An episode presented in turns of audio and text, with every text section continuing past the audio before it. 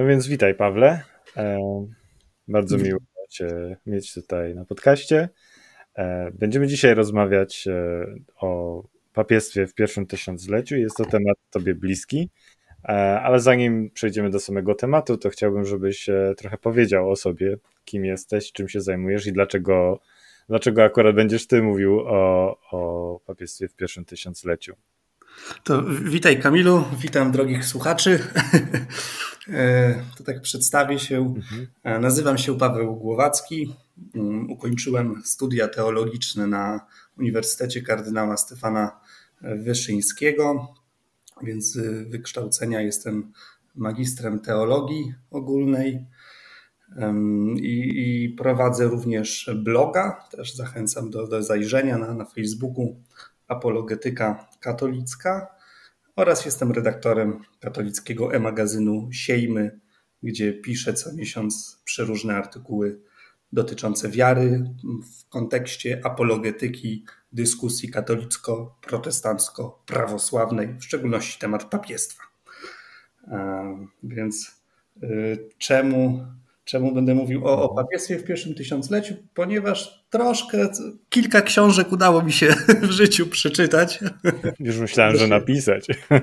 tak, no, trochę tych artykułów napisałem.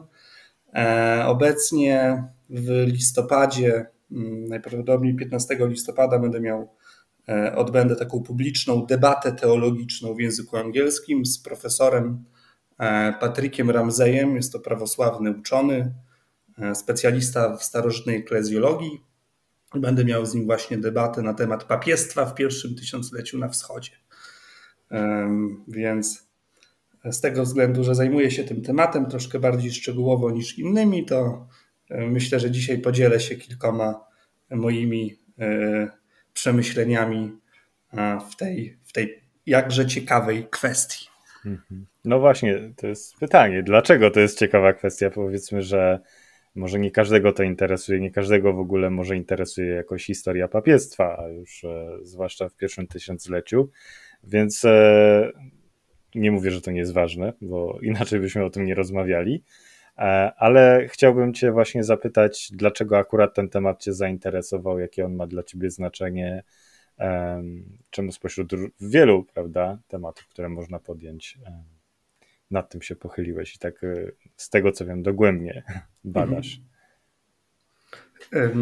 Czemu ten temat? W zasadzie wszystko się tak naprawdę zaczęło od e, rozmowy z pewnym protestantem wiele, wiele, wiele, wiele lat temu, który zadał mi, mm, jako takiemu no, katolikowi, który już coś wiedział, ale nie za dużo, w mhm. szczególności na temat historii Kościoła, zadał mi kilka e, zasadniczych pytań odnośnie okres przednicejski, przed soborem w Nicei, e, również dotyczący tematu, tematu papiestwa. I od tamtego czasu, od tamtego czasu zacząłem się dosyć mocno interesować i badać, analizować kwestie e, sporne w doktrynie między katolikami prawosławnymi a protestantami, żeby zobaczyć, przynajmniej jak wtedy to badałem, czy, czy mam zostać katolikiem, czy jednak Kościół katolicki się myli i wtedy powinienem zostać protestantem. Jeżeli protestantem, to którym? Bądź prawosławnym. Mhm. I mm, w trakcie tych badań zauważyłem, że temat papiestwa jest y, tematem wyróżniającym się w tej dyskusji, z tej racji, że żadna inna denominacja chrześcijańska, żaden inny kościół nie uznaje ani nie wierzy w to, co naucza tylko Kościół katolicki na temat papiestwa, czyli prymatu i supremacji apostoła Piotra, który jest dziedziczony w Kościele rzymskim w osobie biskupa Rzymu. Więc jeżeli, e, przynajmniej jak wtedy też analizowałem ten temat, jeżeli okazałoby się, że papiestwo jest prawdziwe biblijnie i historycznie w pierwszym tysiącleciu, to doszedłem do wniosku, że no, muszę być katolikiem jeżeli papiestwo jest fałszywe, jest doktryną błędną, niepotwierdzoną ani w Piśmie Świętym, ani w historii, tylko późniejszym wymysłem średniowiecznym, to wtedy no, powinienem tą naukę w zasadzie odrzucić. I wtedy już bym wiedział naj, w sposób najprostszy analizując tylko jedną doktrynę, ale jakże skomplikowaną, bo ona jest niezwykle historycznie, nie jest to łatwy temat, to wtedy bym po prostu wiedział, że Kościół katolicki się myli. Tak? No i wtedy mi zostaje protestantyzm, prawosławie. Ale z drugiej strony, jeżeli okazałoby się, że nauka o papiestwie historycznie i biblijnie ma mocne ugruntowanie i rzeczywiście tak naprawdę pochodzi od Chrystusa, jest poświadczona w historii w dosyć wyraźny sposób, to wtedy powinienem, a nawet musiałbym być katolikiem. Więc stąd wzięło się moje zainteresowanie tym e, jakże arcyciekawym tematem. Czyli to było, powód był taki bardzo osobisty w gruncie rzeczy, decyzji osobistej, prawda, wyboru e, kościoła tak naprawdę. Hmm. Bo pytam o to też e, dlatego, że e, wydaje mi się, że kiedy ludzie decydują o takich, o takich rzeczach, albo może też może wycofując się trochę z takiego poważnego, z takich po, poważnych decyzji, od, wycofując się od takiego tematu, a bardziej nawet chodzi o takie codzienne życie duchowe czy życie religijne, ludzie po prostu raczej nie myślą o tym jakoś specjalnie, o papiestwie, że to jest jakby jakoś super ważne. E, no chyba, że ktoś jest na przykład bardzo antykatolicki, to pewnie go to radzi, prawda? Tak, tak. Ale sobie e, myślę o tym w takim kontekście, że, że są różne dogmaty, e, czy prawdy wiary w kościele, które mają takie bardzo praktyczne przełożenie na, na życie codzienne e, katolika. Natomiast, e, no powiedzmy, że papiestwo ma jakieś przełożenie, ale to nie jest tak, że, że się kontempluje, prawda, prymat. E, ale może, może z Twojej perspektywy, bo chciałbym właśnie do tego dojść, może z Twojej perspektywy jest w tym coś ważnego, takiego dla wiary e, pojedynczego katolika poza tymi takimi de decyzjami krytycznymi co do wyboru kościoła. Tak, tak. Jest zasadnicze, w zasadzie tutaj kwestia iście fundamentalna, czyli czy papiestwo ma u źródła słowa Chrystusa, czyli czy pochodzi z ustanowienia samego Chrystusa, więc Y, dla katolika, jak i w ogóle dla chrześcijanina, to, to powinna być sprawa fundamentalna, ponieważ jeżeli Chrystus y, swojemu kościołowi, który założył 2000 lat temu, dał w osobie Piotra jako pierwszego papieża, tego pasterza powszechnego, uniwersalnego, aby zachować jedność Kościoła, jedność wiernych. I ten autorytet został przekazany e, następcom apostoła Piotra, czyli biskupom Rzymu, więc jeżeli to pochodzi z ustanowienia Bożego, czyli de jure divino, nie z ustanowienia ludzkiego, ale Bożego, to my jako chrześcijanie, którzy idą za, za Jezusem, musimy w to wierzyć i również uznawać papiestwo, ponieważ to Chrystus dał Kościołowi jako ogromny dar, bo to jest ogromne błogosławieństwo, to jest dar jedności. Więc to jest ta kwestia najważniejsza. Jeżeli Jezus ukonstytuował swój kościół w taki sposób, to ja, kim ja jestem, żeby to zmieniać? Mhm. Więc jeżeli rzeczywiście to pochodzi od Chrystusa, to muszę się temu w pokorze podporządkować. Choćbym nie chciał, nie lubił, czy miał takie preferencje, czy inne, czy nie lubił tego papieża, czy lubił tego papieża, nieważne. Ale wtedy nie mogę odrzucać e, e, papiestwa. Więc to jest ta kwestia iście fundamentalna, a e, drugi, druga w zasadzie e, cecha to jest też autorytet, który jest w chrześcijaństwie niezwykle ważny, bo papiestwo to jest pewien autorytet, który też pochodzi od Chrystusa, czyli e, ten urząd nauczycielski Rzymu.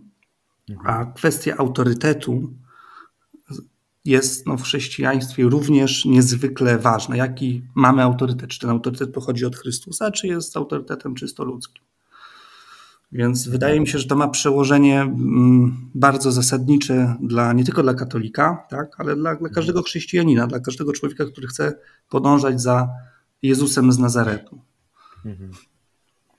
Właśnie, właśnie to jest ciekawa perspektywa, tak jak mówisz o tym błogosławieństwie, prawda? Um, bo często się myśli o papiestwie jako takiej trochę kwestii technicznej, może trochę właśnie jak ludzie myślą o, te, o, tym autorytecie, to że po prostu no, jest ten człowiek, który wydaje rozkazy, nie? Tro, troszkę tak.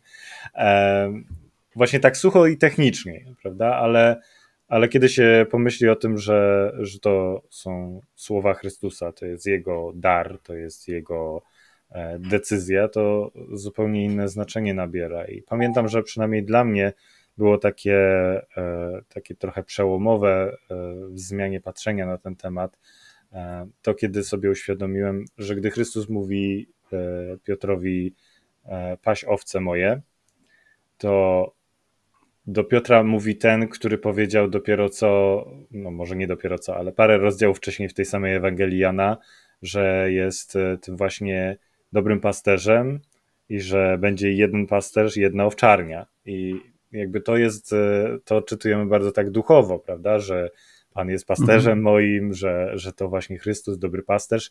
I właśnie ten dobry pasterz mówi teraz do Piotra. I jakby trudno tutaj nie widzieć takiego związku e, głębszego, że to nie jest tylko urząd, to nie jest tylko tak technicznie, prawda?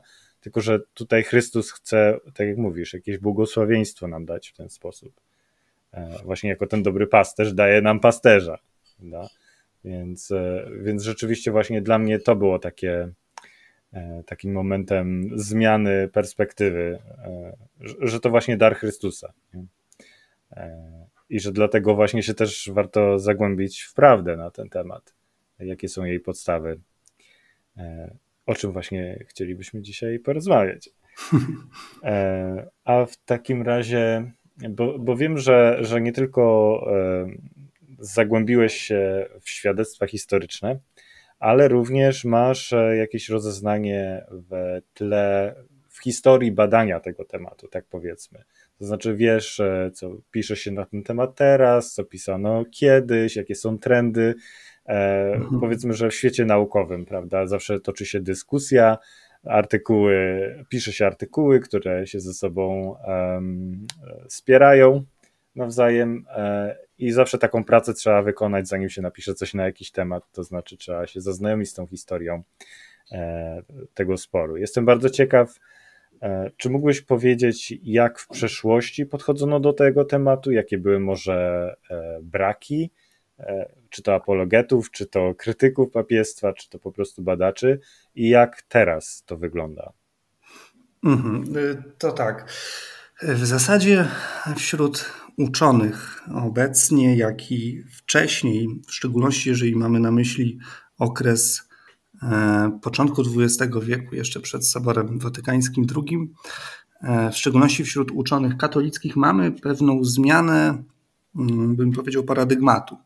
Mianowicie e, przed Soborem Watykańskim II, czyli tutaj w szczególności mówimy o wieku XVIII, a dokładnie jeszcze XIX i początek wieku XX, E, uczeni katolicy, więc to nie tylko jacyś tam apologeci, e, tylko uczeni katolicy, profesorowie, mm, podchodzili do tematu papiestwa w pierwszym tysiącleciu e, iście apologetycznie, czyli za wszelką, cenę, za wszelką cenę chcieli wykazać prawdziwość katolickiej nauki i to praktycznie, jak ja to mówię, w każdym możliwym świadectwie. Czyli mm, zamiast podejść niekiedy do dowodów, czyli do tych zapisków historycznych w sposób taki bardziej obiektywny, wsłuchać się w to, co rzeczywiście one mówią, to próbowano, się, próbowano narzucić często narrację e, pro, prokatolicką, co skutkowało tym, że w wielu świadectwach, które rzeczywiście poświadczały papiestwo, ale nie aż tak, że o, Sobór Watykański I, tak, supremacja, prymat jurysdykcji, nieomylność Rzymu, to tam właśnie próbowano w ten sposób zinterpretować te świadectwa.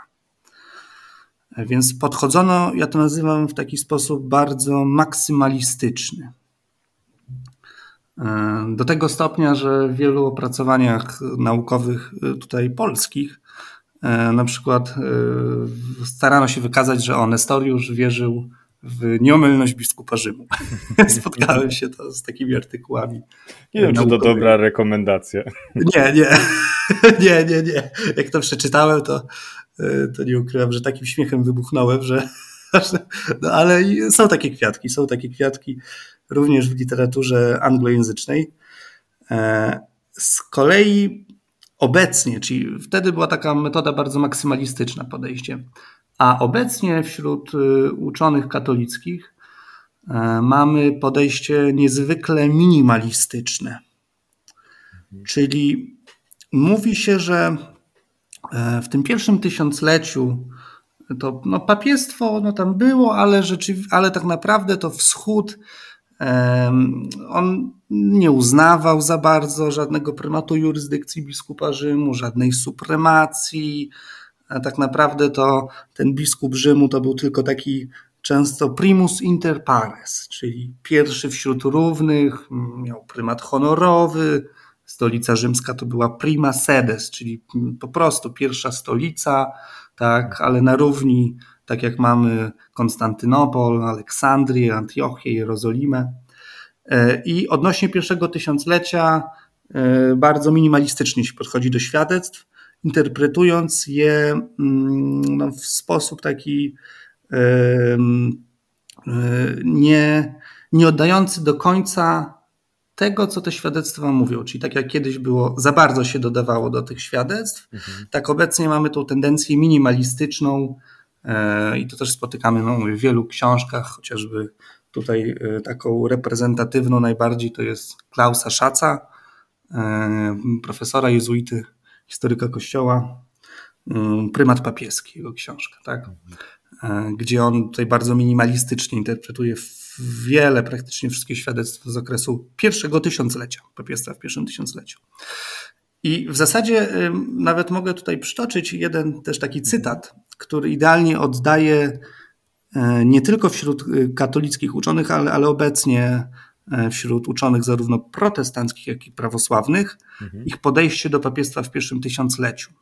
Mianowicie mm, w genialnej książce Warrena Karola, wybitnego historyka Kościoła, jednego z najwybitniejszych w XX wieku, który napisał monumentalne dzieło historii chrześcijaństwa.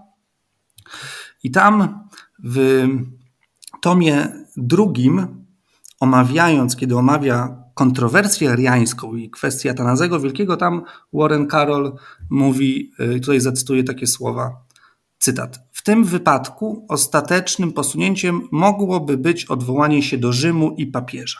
Koniec cytatu. Czyli tam mówi, że Atanaz mógł odwołać się do e, papieża, tak, e, no bo jako do tej ostatecznej instancji mhm. najwyższej, tak, ponieważ papież posiadał ten, ten autorytet nad całym kościołem. I teraz jest do tego zrobiona gwiazdka, przypis tłumacza, doktora, y, historyka też y, Jana Przybyły, który przetłumaczył e, na język polski e, to dzieło Warrena Karola. Mhm. E, I przypis tłumacza do tego fragmentu jest następujący. Cytat. Biskup Rzymu cieszył się powszechnym szacunkiem, lecz pozostałe patriarchaty nie uznawały nad sobą żadnej zewnętrznej jurysdykcji. Biskupowi Rzymu przyznawano honorowy prymat, ale nie uznawano go za głowę całego kościoła. A zatem nie było mowy, by pozwolono mu mieszać się w sprawy innych patriarchatów.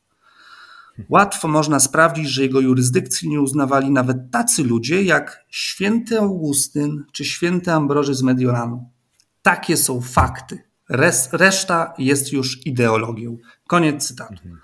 E, więc myślę, że to podsumowuje, e, podsumowuje to zdanie, taki trend współczesnej mhm. nauki w tym temacie, choć są też e, opinie, które zgadzają się z tym bardziej starym podejściem, czy, czy jednak mówią, że no Rzym posiadał tą supremację w pierwszym tysiącleciu zarówno na wschodzie, jak i na zachodzie. No ale taka jest obecnie w dużej mierze e, niestety tendencja. Rozumiem. No do tego, czy, to, czy takie są fakty, to za chwilę przejdziemy, ale pomyślałem sobie, że zanim może, może wejdziemy w to, bo to właśnie o to chodzi, prawda? Żebyśmy mogli sobie tutaj spojrzeć na te fakty, to znaczy e, na świadectwa, o których mówiłeś, żeby nie opierać się tylko właśnie na, na ekspertach i jednak pewnych trendach. Wi wiadomo, że w każdej tak naprawdę nauce istnieją pewne trendy, co do, co do spojrzenia na różne kwestie. To jest normalne, ale mamy tutaj okazję spojrzeć na te świadectwa dzięki Tobie. Więc do tego za chwilę przejdziemy, ale zanim do tego przejdziemy, to chciałbym, żebyś może powiedział jeszcze dwa słowa na temat pojęć, którymi się posługujesz, bo może nie dla każdego są e, jasne. E, I tu mam konkretnie na myśli pojęcie prymatu, supremacji, e, primus inter pares, już troszkę o tym mówiłeś, mhm. ale pomyślałem sobie, że dobrze jest to wyjaśnić, jaka jest różnica i co jest, jaka jest tutaj stawka, prawda? A po drugie, zanim też może przejdziemy do, do tego roztrząsania trochę świadectw, Warto może, żebyśmy powiedzieli, co tak stricte katolik powinien na ten temat uważać, co nie jest jakby kwestią dyskusyjną, e, a co jest właśnie kwestią, o której sobie można dyskutować bez popadnięcia w herezję albo schizmę. Więc mhm. takie, takie właśnie mam pytanie. E, to tak, e, prymat, no to jest mm, łacińskie, tutaj mamy, znaczy no, to słowo primus, tak, mhm. czyli pierwszy, to jest pewne pierwszeństwo. Czyli Kościół katolicki naucza, że y, Chrystus dał Piotrowi ten prymat, czyli pierwszeństwo w gronie apostolskim.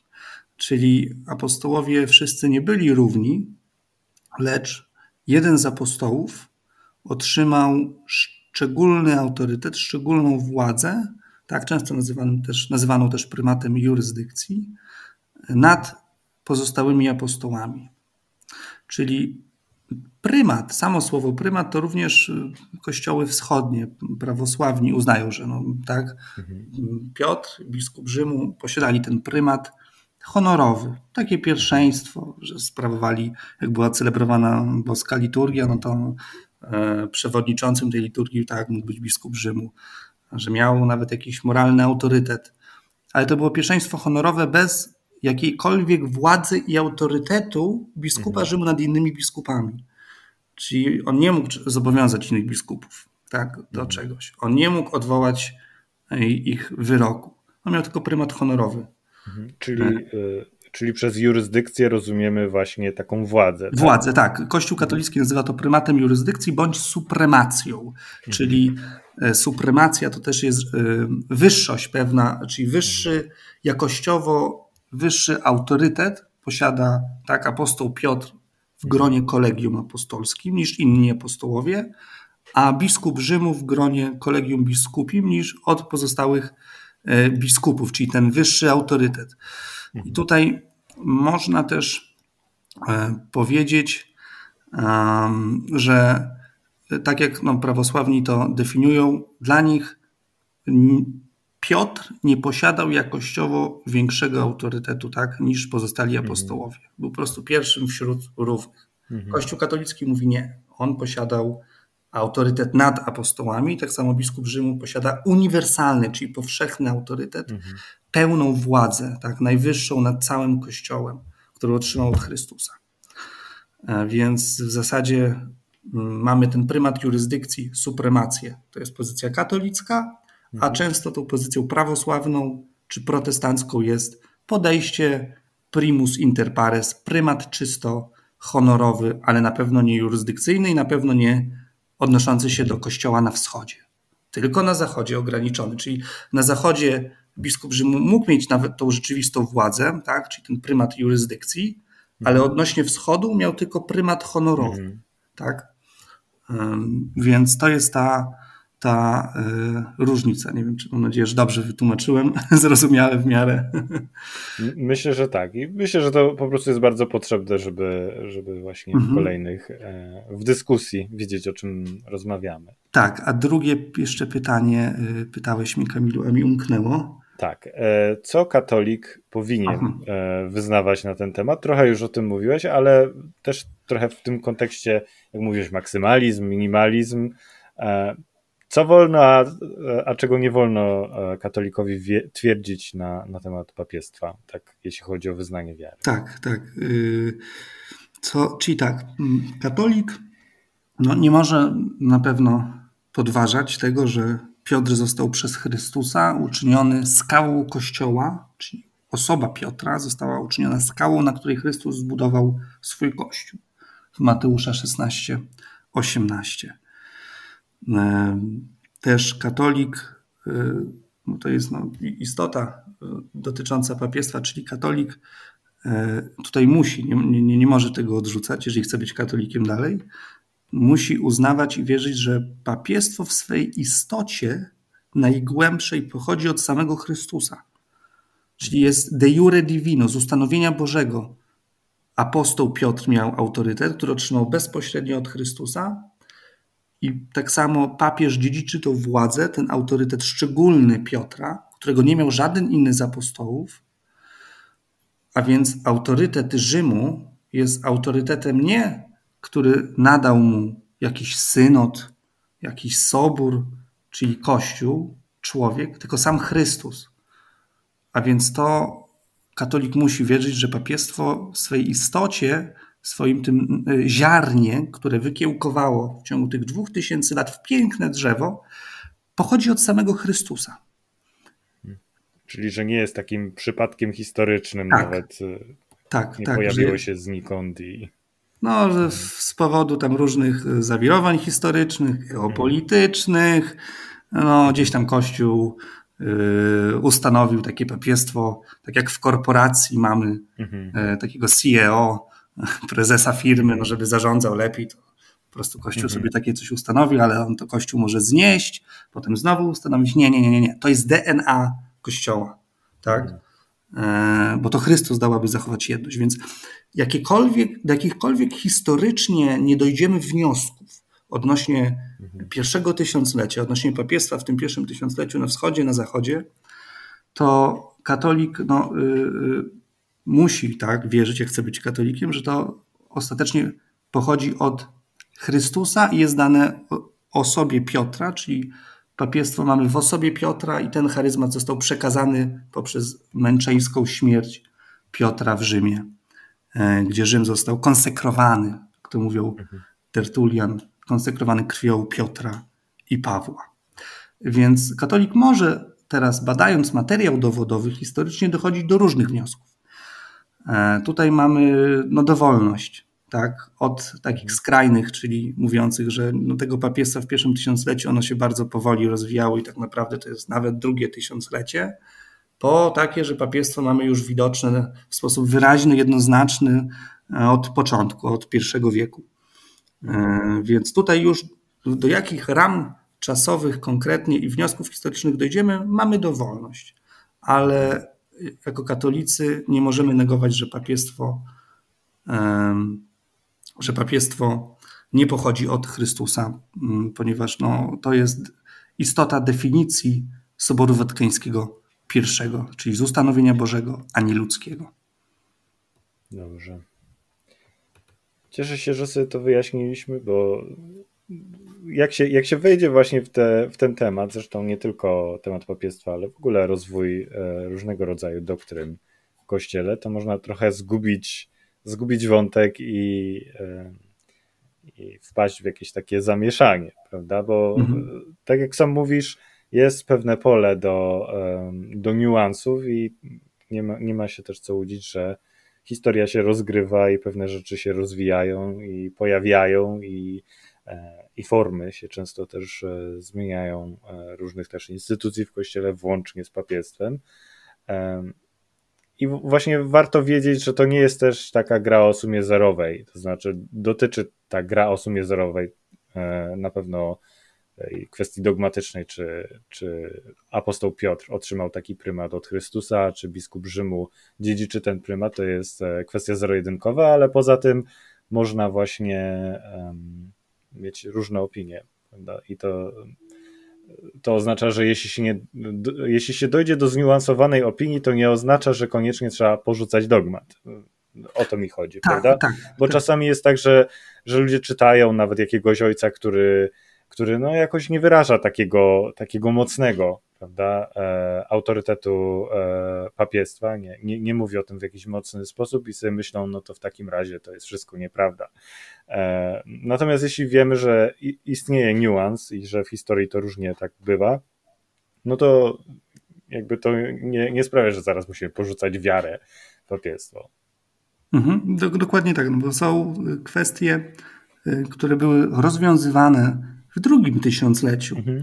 doty, dotyczące chociażby mm, papieskiej nieomylności, czyli były różne stanowiska, tak? Kiedy papież jest nieomylny, mhm. czy wtedy, e, pod jakimi warunkami, e, czy musi być najpierw zgoda Kościoła, e, czy musi tego Kościoła najpierw pytać, aby ogłosić definicję, czy, czy nie musi, czy moralnie grzeszy, czy no, wiele było takich różnych koncepcji, ale wszystkie te osoby były tak naprawdę katolikami mhm. i wszystkie te osoby Y, uznawały, że papiestwo jest z ustanowienia Bożego, że to Chrystus dał Piotrowi tą władzę i ta władza została przekazana y, Kościołowi Rzymskiemu i biskupowi Rzymu. Więc to jest ta, ta kwestia rozwoju wiary, że nie, nie, wszystko jesteśmy w stanie, ani pierwsze wieki chrześcijaństwa, nawet tak genialne umysły jak Augustyn, Ambroży, nie, nie, nie, nie są w stanie od razu całych tych idei z konsekwencjami, które z tych idei wyrastają, za jednym razem a, y, i jakby spisać, y, uchwycić mhm. intelektualnie, tak? bo to potrzeba czasu. Mhm. E, y, potrzeba czasu, gdzie, gdzie rodzą się już takie niuanse, wchodzenie w szczegóły, a czy to papież może, czy nie może, tak? Mhm. E, więc no to, to nie, nie, są łatwe rzeczy, mogę tak mhm. powiedzieć. Historycznie nie są to łatwe rzeczy. To żeby teraz właśnie zasmakować troszkę tych niełatwych rzeczy, e, chciałbym, chciałbym przejść właśnie do, do tych świadectw i do Twoich badań. E, jestem ciekaw, jaki obraz się z tego wyłania i e, może też z jakimi założeniami do tego podchodziłeś, jakie miałeś oczekiwania, a co znalazłeś. Mhm. Więc nie wiem, czy, czy chciałbyś jakoś tak potem chronologicznie do tego podejść, czy, czy, co, czy chciałbyś przedstawić jakieś bardziej zaskakujące świadectwa, to już jest, e, masz tutaj wolną rękę. Ale jestem ciekaw właśnie, jako, jaki obraz się ogólnie wyłania z Twoich badań i czy coś Cię właśnie tutaj zaskoczyło, co, co jest ważne. E, tak, to mm, powiedziałbym, że mm, pomimo tego, że, że no, byłem i jestem cały czas katolikiem, jak rozpocząłem studiowanie tego tematu e, i gdzieś troszkę już czytałem różne stanowiska, artykuły, książki e, protestantów, e, napisane przez protestantów, przez prawosławnych uczonych i również przez katolików.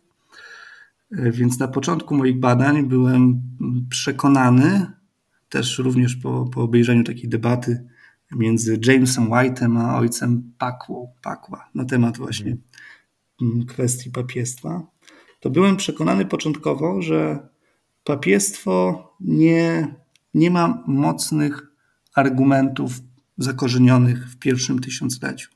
Nie ma mocnych e, przykładów historycznych, które poświadczają rzeczywiście istnienie tego papiestwa w pierwszych wiekach Kościoła. Tak, w pierwszych pięciu wiekach, tak, czy w pierwszych ośmiu wiekach. E, więc początkowo byłem bardzo sceptycznie nastawiony i się skłaniałem ku stanowisku bardziej protestanckiemu, bardziej prawosławnemu niż katolickiemu.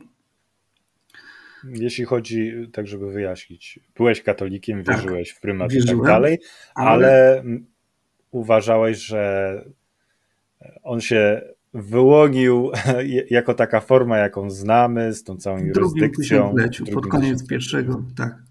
Mhm początek drugiego tysiąclecia, a wcześniej to taki prymat honorowy, mhm. nikt tego tak naprawdę nie uznawał. Takie nierozpoznane. Tak, nierozpoznane, żadnych argumentów takich dobrych, merytorycznych na wschodzie, na zachodzie, mhm. e, mnóstwo argumentów przeciwko papiestwu historycznych, ci mhm. odrzucali, ci się nie zgadzali. No, to były wytoczone takie porządne działa przez mhm. protestanckich i prawosławnych uczonych, więc miałem to takie podejście bardzo minimalistyczne. Mhm. Tak, minimalistyczne, skrajnie wręcz. Mhm. E, wręcz gdzieś aż ta granica mogła się zacierać między, między tym, co jest dopuszczalne, a czy dalej jednak powinien być tym katolikiem, skoro mhm. to aż tak nie ma tych świadectw mhm. pozytywnych, a jest tyle argumentów przeciwko. Mhm. E, I kiedy zacząłem studiować tak już bardzo dogłębnie, głównie skupiając się na czytaniu źródeł. Mhm. Czyli oczywiście czytałem na przykład, co o Soborze Efeskim mówi ten historyk, tamten historyk, co opisuje, ale jak miałem taki przypadek, że natrafiłem na czterech, czy tam już pięciu różnych historyków, i to katolików, prawosławnych i protestantów, i każdy mówił co innego odnośnie tego papiestwa na Soborze Efeskim. te same wydarzenia, te same, nikt nie dysponował żadnym innym materiałem dowodowym, a każdy dochodził do różnych wniosków. No to trzeba wtedy, stwierdziłem, że no, muszę sięgnąć do źródeł. Tak. Tak, choć to jest strasznie czasochłonne i lepiej jest przeczytać opracowanie niż czytać całe akta soborowe, mhm. czytać, szukać listów i dopiero potem sprawdzać, który historyk, który y, komentator tego wydarzenia rzeczywiście oddawał tu prawdę historyczną, czy bardziej forsował swój światopogląd, mhm. czy swoje a prioryczne podejście. No bo skoro ja już zakładam, tak jako załóżmy badacz, że no nie ma tego tej supremacji Rzymu w pierwszym tysiącleciu na wschodzie. Ona jest nieuznawana, wręcz odrzucana. Jeżeli spotykam świadectwo, które jednak by temu przyczyło, no to wtedy y, staram się zminimalizować je, tak? Więc mhm. U mnie to podejście, y, dlaczego ja w końcu uznałem to papiestwo, tak, historycznie, mhm. dlatego, że sięgnąłem do źródeł i zacząłem czytać źródła i oceniać potem dane wypowiedzi historyków na podstawie tego, co znalazłem w materiale dowodowym, niż y, po prostu mhm. ufając, tak? Bo mhm. pytanie, komu wtedy zaufamy? Któremu historykowi? Zwłaszcza jeśli się nie zgadzają. Tak, jeżeli i to też wśród katolików. Mhm. Tak, wśród katolików, tych y, katolików XX wieku, katolików teraz, wśród, nawet wśród teraz katolików, nie mówiąc o protestanckich i prawosławnych historyków, teologów, E, eklezjologów, tak? Mm, I jakie tutaj mamy świadectwa, takie, które e, mnie osobiście najbardziej uderzyły? No bo mm, tak naprawdę argumentacja pozytywna za papiestwem w pierwszym tysiącleciu jest, ja to, ja to nazwałem tak zwaną argumentacją kumulatywno-jakościową. Mhm. Czyli to nie jest o tyle, że jakieś jedno świadectwo, które decyduje mhm. za czy przeciw. Ponieważ mamy dobre argumenty historyczne za papiestwem w pierwszym tysiącleciu, jak i mamy dobre argumenty przeciwko papiestwu, które z drugiej mhm. strony mówiły, że jednak go nie było. Jednak jeżeli weźmiemy pod uwagę całe pierwsze tysiąclecie, całe te dziewięć wieków i wszystkie świadectwa, jakimi dysponujemy, to byłem onieśmielony ilością kumulatywną argumentów za papiestwem tylu różnych, tyle różnych fragmentów patrystycznych, które o dziwo u wielu historyków współczesnych w ogóle nie, nie, nie poruszane były. Hmm. Jak gdyby nieznane, nie wiem czy. Może były nieznane i oni tylko przepisywali od innych historyków to, co było już znane. Znane, albo były. Tak, tak, albo były często, albo były niewygodne, albo często dziś spotykałem, e, że ktoś nawiązywał tak, do, do tych hmm do tych różnych takich cytatów mało znanych, ale je minimalizował na zasadzie, no trzeba kontekstualizacja. Mhm. Tak naprawdę ten autor nie mógł myśleć o papiestwie i tym prymacie jurysdykcji, mhm. bo tego nie było. Czyli mhm. znowu mamy dorabia, czyli mamy a priorycznie założoną pewną tezę, tak? Już jako mhm. historyk podchodzę, czyli tego papiestwa nie było i potem po prostu szukam.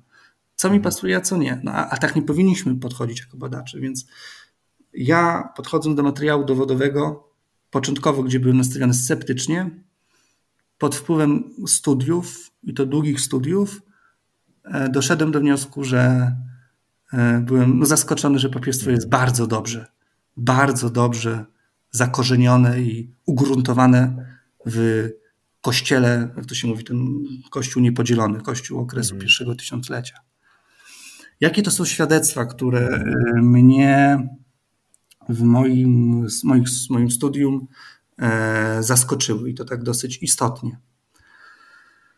Na przykład jednym z takich świadectw jest to, mm, pochodzi ono z bardzo wczesnego okresu Kościoła, mianowicie z drugiego już wieku. Tutaj zauważmy, że nie mówimy o jakimś nie wiem, VIII wieku, X, mhm. drugi wiek, czyli okres jeszcze przednicejski.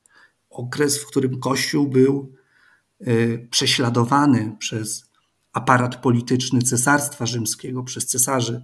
Wyznawanie religii chrześcijańskiej było zabronione pod karą śmierci. To był okres, gdzie nie było aliansu tronu z ołtarzem, mhm. który widzimy w IV wieku, gdzie e, Cesarstwo Rzymskie staje się chrześcijańskie. Czyli to był ten okres pierwszych trzech wieków, niektórzy mówią okres czysty, tak? okres, mhm. gdzie, gdzie to było chrześcijaństwo. Niektórzy historycy mówią, to, to było ten e, nieskażone chrześcijaństwo pierwszych trzech wieków. Tak?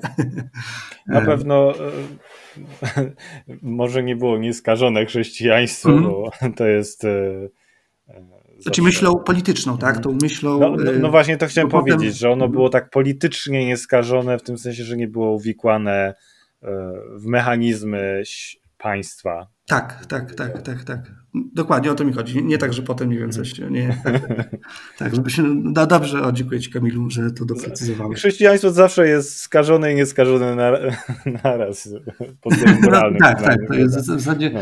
E, jak to mówią, od, od początku jest kryzys, tak? Od tak, początku tak, tak. każdej epoce.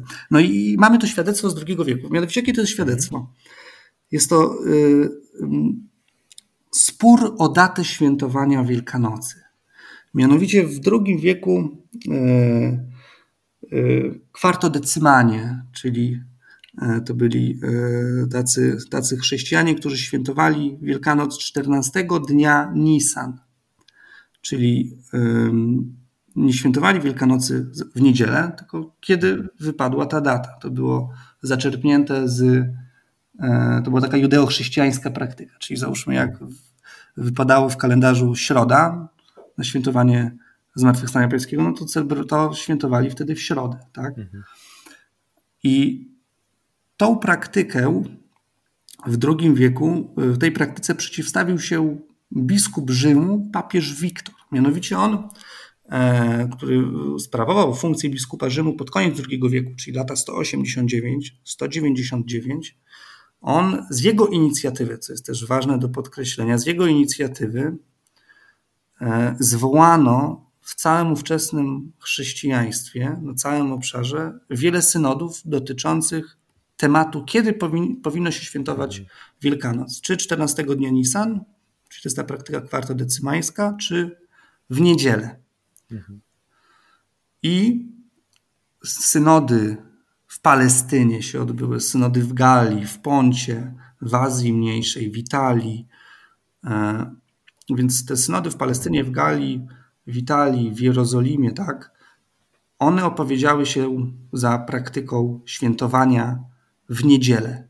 Mhm. A synod w Azji Mniejszej, czyli kościoły Azji Mniejszej, dodajmy, że one są na, na wschodzie, to nie jest zachód na wschodzie, opowiedziały się za praktyką tego 14 dnia Nisan. Mhm. E, I tutaj y, pod przewodnictwem ten synod odbył się Polikratesa z Efezu. I co postanowił wtedy papież Wiktor zrobić? I to historyczne wydarzenie ujął w swojej genialnej historii kościelnej tak naprawdę pierwszy historyk kościoła, wybitny Eusebiusz Cezarei, który podaje tak, i cytat. Na to zwierzchnik kościoła rzymskiego Wiktor powziął zamiar odłączenia od jedności kościoła wszystkich gmin azjatyckich i kościołów sąsiednich, jak gdyby były innowiercze, i ogłosił publicznie na piśmie, że wszyscy bez wyjątku tamtejsi bracia nie będą mieć komunii z Kościołem. Koniec cytatu. Czyli papież Wiktor, wy... tu też jest dyskusja między historykami, czy on ostatecznie wyłączył, czyli ogłosił ten dekret e, wyłączający z jedności Kościoła powszechnego ogromne części kościoła, czy tutaj Azji Mniejszej, mieszczącej się na wschodzie, czy on ogłosił ten dekret ekskomunikujący, czy miał tylko taki zamiar. No tutaj jest dyskusja między historykami. Mhm. Ostatecznie tego nie zrobił, ale chciał. W każdym razie biskup Rzymu chciał, tak, czy odłączył od kościoła katolickiego e, jurysdykcyjnie, bo to jest sprawowanie mhm. autorytetu jurysdykcji, e, ogromną część kościoła Azji Mniejszej. I teraz, jak na to zareagowali inni biskupi. chociażby. No właśnie, no właśnie bo to, to jest ważna kwestia. Tutaj... Bo można, mógł sobie podjąć taką decyzję, ale mógł go nikt nie słuchać i nikt nie uważać tego za coś ważnego, prawda? No sobie jakiś człowiek w Rzymie. Do, do, dokładnie tak. I, I inni biskupi, bo też to Eusebiusz dalej podaje, w tym Ireneusz z Lyonu, oni sprzeciwili się aż tak mocnemu i stanowczemu krokowi. Tak? I tutaj Ireneusz z Lyonu przekonywał, żeby tego papież Wiktor nie robił. Mhm. Tak? Że przecież y, kilkadziesiąt lat wcześniej przybył y, Polikarp ze Smyrny do, do biskupa Rzymu, y, bodajże Aniceta, i oni pogodzili się. Tak? Ten sprawował, e, czyli Polikarp ze Smyrny, czter, 14 dnia Nisan, przystawał przy tej dacie, a biskup Rzymu przy tym, żeby świętować w niedzielę. I, nikt, i on, i biskup Rzymu nie, nie, nie wykluczył go z jedności. Więc Ireneusz prosił, tak, sprzeciwił się tutaj biskupowi Rzymu, żeby tego nie robił i go prosił, żeby, żeby nie wykluczał. Mhm. Ale co nam to mówi? I teraz historycy protestancy tutaj często się powoływali, o zobaczcie, oni się sprzeciwili biskupowi Rzymu, tak, zaprotestowali, nie uznawali mhm. E, papiestwa, tak, świadectwo przeciwko. Ale nie, ponieważ ci biskupi, w tym Ireneusz z Lyonu, nie powiedzieli, że ty nie możesz tego zrobić. Że biskup, oni nie sprzeciwili się, że e, tej władzy, jaką biskup Rzymu posiadał, tylko w formie jej sprawowania. Czyli prosili go, żeby tego nie robił, nie wykluczał, zakładając, że on mógł to zrobić. Mhm. Że on mógł to zrobić, mógł wykluczyć całe kościoły, czyli korzystać ze swojego prymatu jurysdykcji, bo to jest kwestia jurysdykcyjna. Gdyby, gdyby nie miał takiej władzy, to by go nie prosili po prostu, bo nie miałoby, jego decyzja nie miałaby żadnych praktycznych konsekwencji, czy tam rzeczywistych konsekwencji. Prawda? Oczywiście, ale co nam to mówi? Mówi nam to dwie kwestie. Pierwsza kwestia, że Rzym, a więc najważniejszy kościół w wczesnym chrześcijaństwie, uznawał koncepcję papiestwa. I to już w II wieku, czyli supremację nad całym kościołem. I to na przykład z tym się zgodził Nikolaj Koczew. E, bodajże to nie jest katolicki autor, nie wiem, czy to właśnie nie jest prawosławny, ale tego nie jestem pewien. W takim artykule East-West Relation and the Matter of Papal Primacy up to 10th Century. I on napisał cytat w rzeczywistości nawet pod koniec II wieku papież Wiktor I aspirował do supremacji w kościele. Koniec cytatu. Mhm. Więc widzimy z jednej strony, że Rzym w zasadzie od początku miał tą świadomość, tej mhm. supremacji nad całym Kościołem. Od samego, to jest drugi wiek. Tak, to nie jest dziesiąty, nie jest dwunasty, drugi wiek, a więc mhm. sam początek. A teraz z drugiej strony tej monety widzimy, że biskupi, tak jak Ireneusz, nie powiedzieli, że ty nie możesz tego zrobić. Tak? Mhm. Tylko zakładali, że on ma taki autorytet i może to zrobić, a więc ma prymat jurysdykcji również nad wschodem, tylko żeby tego nie robił. Czyli nie, nie, żeby jednak nie odłączał ich. I tą drugą stronę, te, o której właśnie teraz mówimy, bardzo ciekawie skomentował protestancki, wybitny uczony dwudziestowieczny Adolf Harnack, liberalny protestancki uczony, który napisał swoje dzieło Dogmengeschichte, e, na którym wzorował się G.N.D. Kelly, pisząc swoją e, starożytną historię. I on pisze tak, Harnack, czyli protestant, to komentuje cytat. Jak Wiktor mógłby pokusić się o taki edykt, choć w istocie nie miał on w każdym przypadku mocy egzekwowania go, gdyby nie specjalna prerogatywa Rzymu do określania warunków wspólnej jedności w zasadniczych kwestiach wiary była uznanym i dobrze ugruntowanym faktem. Jak Wiktor mógł skierować takie żądanie do niezależnych kościołów, gdyby jako biskup Rzymu nie został uznany za specjalnego strażnika koine genosis. Koniec cytatu.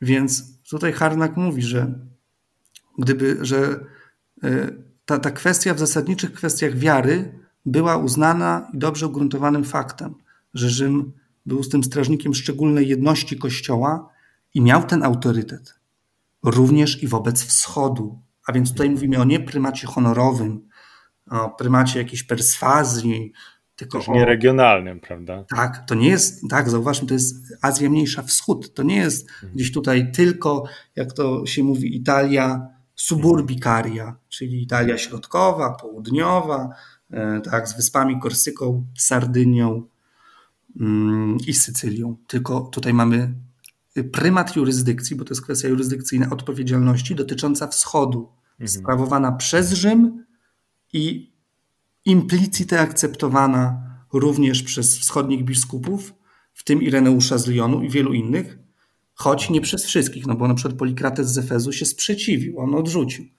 E, sprzeciwił się, że nie będzie świętował wtedy, kiedy Rzym, ale nie tylko Rzym, ale i cały Kościół świętował, a więc w niedzielę.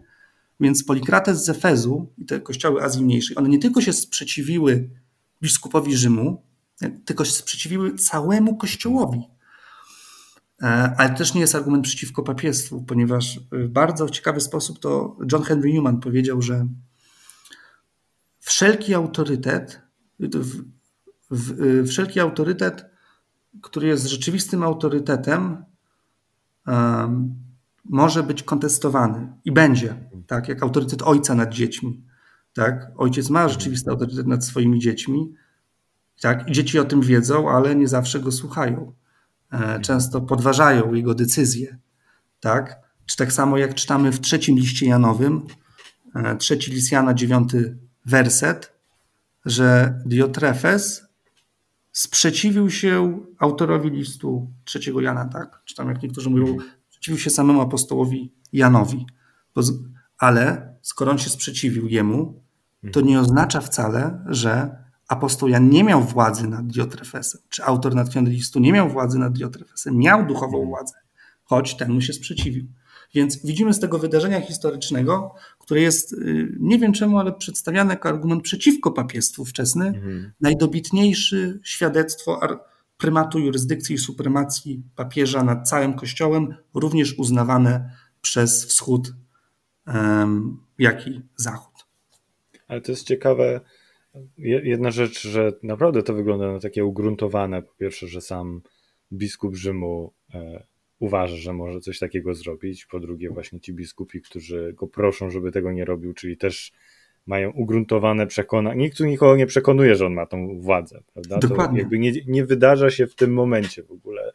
E, nie, nie, nie wiemy, kiedy się to wydarzyło, ale wiadomo, że, że w tym momencie dla wszystkich to jest oczywiste. Więc to jest ciekawe, e, że, że to nie jest dopiero kreowanie tego autorytetu, tylko już posiadanie go. I to, to jest... mówimy już o, o drugim wieku. To jest, tak. tak nawet tak wczesna historia Kościoła. To nie jest dziś piąty, tylko hmm. drugi wiek, to jest sam początek.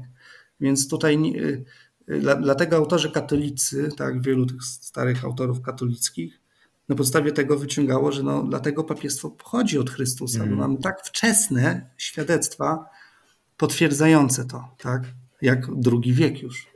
Ale też mam taką myśl, że właśnie ponieważ to jest przed tym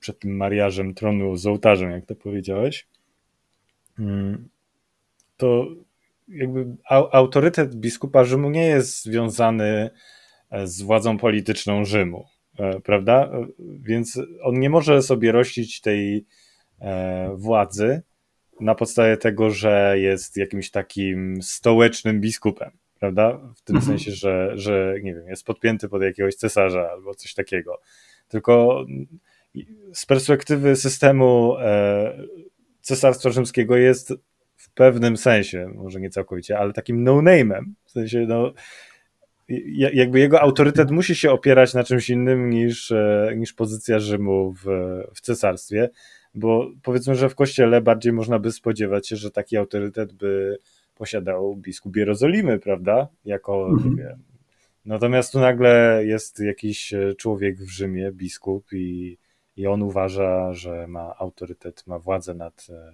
nad wszystkimi kościołami, więc i właśnie to jest przed tym, przed tym sojuszem, czy przed uznaniem chrześcijaństwa przez cesarstwo. Więc dla mnie to też jest takie tutaj interesujące. Więc to wraca, czyli to świadectwo ukazuje nam tą zasadę apostolskości. Mhm a no nie właśnie. zasadę polityczną, tak jak, jak mhm. wspomniałeś, czyli to, to zachowanie papieża Wiktora i pośrednia akceptacja, Ireneusza z Jonu i innych biskupów, ukazuje, że, że, że źródłem tego jest okres apostolski. Mhm. Chrystus, mhm. tak, który przekazuje władzę Piotrowi i Rzymie w sposób szczególny dzięki Piotrowi i Pawłowi mm, wyniesiony ponad wszystkie inne kościoły, a więc to jest zasada apostolska mhm. od Chrystusa, no a nie od kościoła cesarza, mhm. a, tak, y, polityczna. Nie. Mhm. Y, mamy też, y, tak sobie dopiero uzmysłowiłem, że ja jedno świadectwo mówiłem i to tak mm, nie wchodząc jakoś tak bardzo, bardzo w szczegóły, ale mhm. a, a jest tych świadectw więcej, to może jeszcze tak troszkę przyspieszę. To znaczy, myślę, że, że w tym nagraniu na pewno e, omówiliśmy te podstawy, które jest bardzo ważne. I myślę, że na pewno jakieś jeszcze ważne świadectwa dzisiaj poruszymy, ale pewnie nakręcimy, nagramy kolejny odcinek, gdzie już e, będzie czas na więcej tych świadectw, e, bo to jest po prostu warte omówienia. Ale zależało mi na mhm. tym, żeby, żeby to wprowadzić. Natomiast no, to, co przedstawiłeś teraz, to bomba, ale, e, ale na pewno więcej. Jeśli, jeśli masz teraz jeszcze coś takiego. Tak, tak, tak, oczywiście. Mhm.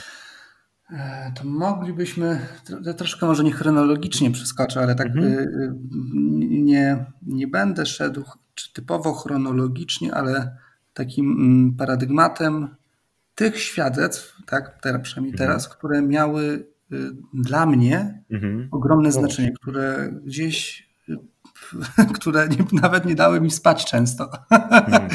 Hmm. to musi być przeżycie. Tak, no, no, dla mnie tak siedzę, gdzie jestem przekonany, że tego papiestwa jednak nie ma tak do końca w tym pierwszym tysiącleciu, że argumenty protestantów i prawosławnych są bardzo dobre, katolików nie. I nagle czytam, czytam, czytam mm. i mhm. odkrywam, że jednak to tak nie jest. I to wtedy nie, nie, no nie pozwala spać. to drugim takim świadectwem, które też dla mnie było osobiście niezwykle ważne, no jest to Augustyn z Hipony. O. Augustyn z Hipony, um, który jest no, oczywiście ulubionym ojcem Kościoła wszystkich protestantów historycznie zakorzenionych, którzy mówią, no Augustyn to był, to był ojciec tak, Kościoła. Mhm. Moim też jest jednym z, z ulubionych e, ojców. I często właśnie Augustyn był przedstawiany jako Osoba, która nie uznawała papiestwa, która jako, jako nawet argument przeciw papiestwu, w szczególności w literaturze e, tutaj uczonych anglikańskich. Mhm. I też nawet wyrazem tego jest, pamiętam jak to oglądałem debatę między Jamesem White'em a ojcem Packwell i tam James White e, powiedział takie zdanie, które mi bardzo utkwiło że e, a za czasów Augustyna, że no w ogóle Augustyn nie miał styczności z, z papiestwem, tak? tylko z biskupem Rzymu, który był jednym z wielu biskupów. Nie było czegoś takiego jak na początku V wieku papiestwo, tak? ta supremacja Rzymu nad wszystkimi kościołami. E, I tam właśnie James White mówi, że Augustyn nie miał żadnej koncepcji biskupa Rzymu, który jest taką uniwersalną głową kościoła, czyli tym ma autorytet uniwersalny. Tak, że w ogóle mhm. nikt wtedy takie nie wierzył, tym bardziej August. I nawet takie zdanie. Tymczasem. Nawet, tak, tymczasem, no właśnie, znalazłem nawet, już nie mówiąc potwierdzenie w protestanckich źródłach, czy nawet w prawosławnych, a nawet w niektórych katolickich. Ale jak sięgnąłem do oryginalnych dokumentów, zacząłem czytać mhm. E, list, zacząłem czytać to, co rzeczywiście Augustyn powiedział. Jego nawet całe dzieła, listy synodów, wysłanych do papieża Innocentego, e, te akta synodalne, to odkryłem coś przeciwnego, coś, co mnie e, e, po prostu zaszokowało. Mianowicie, mianowicie mamy w początku V wieku jest kontrowersja zwana kontrowersją pelagiańską gdzie pojawia się taki mnich z Brytanii, Pelagiusz, który głosi, że e, w zasadzie może na swoje zbawienie zapracować. Tak, że człowiek może wybrać własną mocą, bez łaski Bożej, um, może osiągnąć swoje zbawienie. No, łaska jest oczywiście pomocna, ale człowiek sam o własnych siłach może zbawić się. Mhm. Tak? Czyli niedowartościowanie łaski Bożej. Um, i, I dwa zgromadziły się synody w 416 roku. Synod jeden w Kartaginie i synod w Milew. Na synodzie w Kartaginie, jeżeli dobrze pamiętam, bodajże było gdzieś około 70 biskupów, na Milew około 60. I teraz ten synod Milew, no, w synodzie Milew był obecny również Augustyn z Hippony. Jest jednym z tych, którzy się podpisali pod listem, który zachował się też w, e, w, mm, w zbiorach listów Augustyna. I ten list został zredagowany, czyli list synodów Milew został zredagowany przez Augustyna i wysłany do papieża Innocentego I. Mhm. Co czytamy w tym liście? Cytat. Lecz sądzimy, że z pomocą miłosierdzia Pana Boga naszego, który raczy Tobą kierować w radzie i wysłuchiwać Twej modlitwy, ci, którzy mają poglądy tak przewrotne i zgubne, łatwiej ustąpią przed autorytetem Twej świątobliwości, pochodzącym z autorytetu Pisma Świętego, abyśmy się raczej współradowali ich poprawą niż współsmucili zgubą.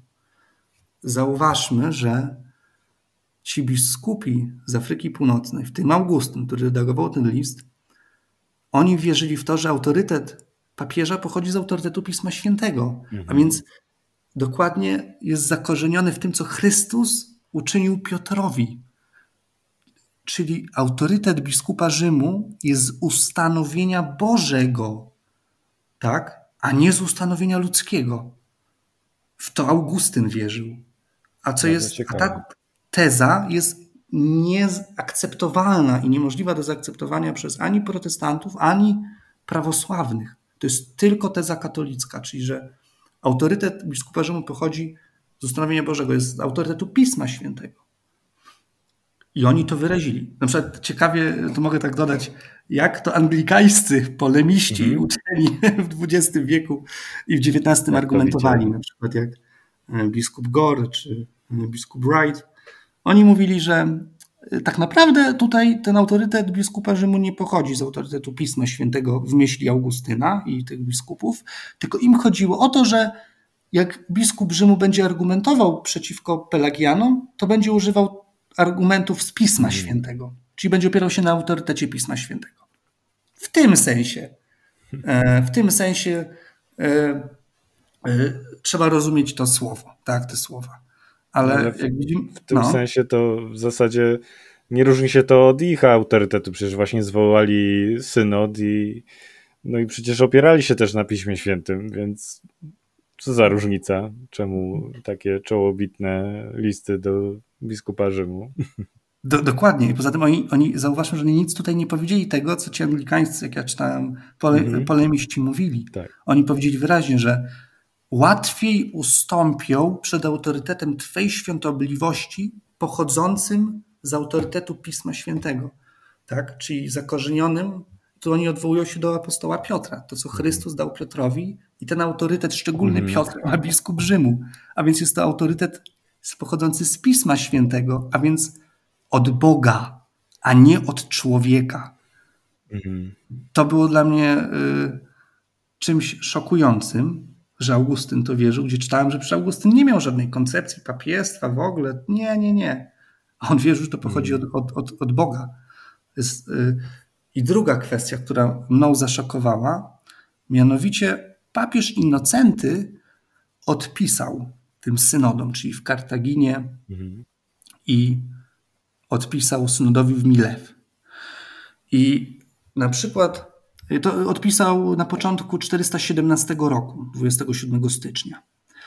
I on w tych listach, które ja przeczytałem papieża Innocentego, on wyraził, słuchajcie, w sposób jednoznaczny naukę o supremacji Rzymu nad całym Kościołem. Czyli papież Innocenty, odpisując na e, akta synodów e, z Afryki Północnej, odpisując, wyraził w swoich listach naukę o supremacji Rzymu nad całym Kościołem.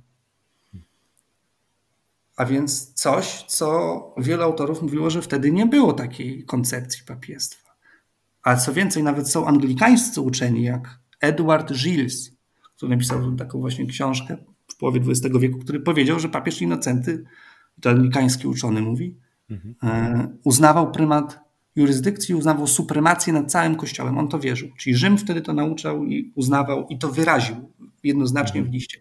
I teraz co mnie uderzyło? Nie to, że nawet papież Innocenty to wierzył i napisał to w tych listach, ale ja wtedy spotkałem się z taką tezą, że no dobrze, papież Innocenty to wierzył, no ci tam biskupi, ten Augustyn, no niby powiedział, że z autorytetu Pisma Świętego, ale to tak do końca jednak nie. Ale tak naprawdę Innocenty wierzył w supremację Kościoła Rzym, y, rzymskiego, ale Augustyn tego nie uznał. Odrzucał. Mhm. Tak? Czyli on, on. Słucham? Skąd taka myśl, że Augustyn nie uznawał? Nie, nie, nie uznawał. On tego nie, nie, uznawał, bo nie ma dowodów tak, w pismach Augustyna. Hmm. I teraz, yy, yy, czyli on w ogóle odrzucał taką koncepcję. Tak? To, to, to było hmm. w koncepcji papiestwa supremacji nad całym Kościołem, to co wyraził Innocenty w swoich hmm. listach. I teraz, co odnośnie tych listów Innocentego napisał Augustyn? Właśnie tych dwóch listach, w których Innocenty nauczał supremacji Rzymu. I tutaj cytat, cytuję. Jest to list 186, wypowiedź Augustyna. Cytat. Oprócz sprawozdań synodalnych napisaliśmy też do świętej pamięci Inocentego prywatny list, w którym pełniej zajęliśmy się tą samą kwestią. Do wszystkich odpisał nam w sposób właściwy i odpowiedni dla papieża stolicy apostolskiej. Koniec cytatu. Hmm. Hmm. Czyli Augustyn o, I tutaj odnosi się do, do właśnie synodu w Kartaginie Milew, mhm. czyli Augustyn powiedział, że to, co napisał papież Innocenty, odpisał nam wszystkim. I miał tutaj na myśli właśnie i Kartaginę, i Milew. To on napisał to w sposób właściwy i odpowiedni dla papieża stolicy apostolskiej. Mhm. Czyli Augustyn zaakceptował supremację biskupa Rzymu nad całym kościołem E, bo tutaj ją afirmował w sposób pozytywny, a nie odrzucał, nie, nie że nie znał takiej koncepcji. To, właśnie, to mnie absolutnie zaszokowało. E, to właśnie nawet tak brzmi, jakby oni sobie, oni, no Augustyn, przynajmniej oni, jego możemy tutaj przeczytać, zdawał sobie sprawę z tego autorytetu, dlatego wysłano do papieża te akta i list, żeby właśnie papież tym swoim apostolskim autorytetem przybił pieczątkę, że tak powiem. I mhm. żeby właśnie te, te akta, mm, te postanowienia wróciły z tym autorytetem, prawda? Żeby to był ten wyższy autorytet niż nawet tego synodu. Mhm. To tak trochę, to, to jakby jest więcej, tak, tak mi się wydaje, że to jest jakby więcej niż samo to, że Innocenty pisze, a Augustyn akceptuje, tylko wręcz sprawia wrażenie, jakby Augustyn, zważywszy na te słowa o autorytecie z Pisma Świętego, E, że Augustyn w ogóle wysyła ten list z nadzieją, że właśnie ktoś, kto posiada ten autorytet, e, odpowie w taki sposób z tym autorytetem, prawda? Mhm. Więc to jest taka nawet szersza dynamika niż sama akceptacja jakaś taka bierna, jeśli można tak powiedzieć. Tak, tak. No i tutaj Augustyn, Augustyn, czyli wraz z biskupami Afryki, oni chcieli, aby Rzym przybił tą ostateczną pieczątkę, mhm. czyli to, co już zostanie postanowione, jednym słowem te późniejsze słowa z jego kazania, y, że Roma locuta est causa finita est, tak? Rzym mhm. przemówił sprawa zamknięta. Oczywiście Augustyn nie powiedział bezpośrednio, bez później, tak? Bo to w XIV-XVII mhm. roku, bodajże on to mówi, jeżeli dobrze pamiętam, 23 chyba września. E, on dokładnie nie powiedział Roma locuta est, tak? Causa finita, bo to mhm. jest jakby parafraza jego słów, ale powiedział, że Rzym się wypowiedział, tak, i sprawa jest już tak naprawdę zamknięta. Tu już nie ma, nie ma gdzieś odwołania. Rzym przemówił koniec. A co więcej, jeszcze tylko tak dodam, e, że, że rzeczywiście Augustyn uznawał wyższy autorytet, supremację tak, Rzymu, tutaj biskupa Rzymu, bo oprócz tego, że synody w, w Kartaginie i Milew wysłały swoje listy do papieża, to tak jak Augustyn jeszcze powiedział, on też napisał taki prywatny list mhm. wraz z pięcioma czy pięciu biskupów, tak? Wrazem z prymasem Kartaginy Aureliuszem, tak? Augustyn, e, Ewodiusz i inni napisali do papieża list. I oni też w nim powiedzieli, że mm, powiedzieli, że tak, i cytat. Z pewnością delikatna dobroć Twojego serca wybaczy nam, jeśli przesłaliśmy Twojej świątobliwości dłuższy list niż może chciałbyś. Nie wlewamy naszego małego strumyka w Twój wielki strumień, aby go powiększyć, ale pragniemy, żeby przez Ciebie zostało sprawdzone, czy również nasz, choć mały strumyk, wypływa z, tamego, z tego samego źródła, co Twój przeobfity, i żebyśmy przez Twoją odpowiedź zostali pocieszeni co do wspólnego udziału w jednej łasce. Więc oni mówią o władzy biskupie jako o mm, mhm. tym strumyku, źródle rzeki. Tylko określają swój autorytet jako mały strumyczek, autorytet biskupa Rzymu przeobfite źródło. I to ty sprawdź, mhm. czy my dobrze rozumiemy. Tak? No, Czyli ma wyższy autorytet biskup Rzymu. Autorytet, który jest z, z autorytet, który jest z ustanowienia Bożego, bo wypływa z Pisma Świętego i dotyczy całego Kościoła. Mhm. No, no gdyby go mieli za primus inter pares, to by tak chyba nie pisali. Nie, nie, nie, nie, nie. Tak by, w taki by sposób absolutnie nie pisali. A co więcej jeszcze papież Inocenty odpowiadając na te listy, bo tam też powiedziałem, że on zaświadczył o tej supremacji, ale papież Inocenty powiedział ciekawą rzecz, że e, tylko w sprawach, że dobrze, że te synody mm, y, Afryki Północnej e, odwołały się do biskupa Rzymu, ponieważ wy wiecie, tu mówi papież Innocenty, że w sprawach wiary tylko możecie odwoływać się do Piotra. Hmm. Tylko do Piotra. Tak? Innocenty uważał, że Rzym jest ostateczną instancją, która definiuje w sposób ostateczny e, prawdziwą naukę, którą musi każdy przestrzegać. Tak? E, mhm. I tutaj na przykład też papież Innocenty do synodu w Kartaginie właśnie napisał to, co mówiłem o tej supremacji. Cytat, kawałek, że potwierdziliście, iż należy się odwołać do naszego sądu, wiedząc, co się należy stolicy apostolskiej. I dalej papież mówi, o jakąkolwiek by sprawę chodziło, choćby z bardzo odległych prowincji, nie uważano jej za zakończoną, dopóki wiadomość o niej nie dotrze do tej stolicy, a ona nie potwierdzi całą swoją powagą słusznych wyroków. Koniec cytatu.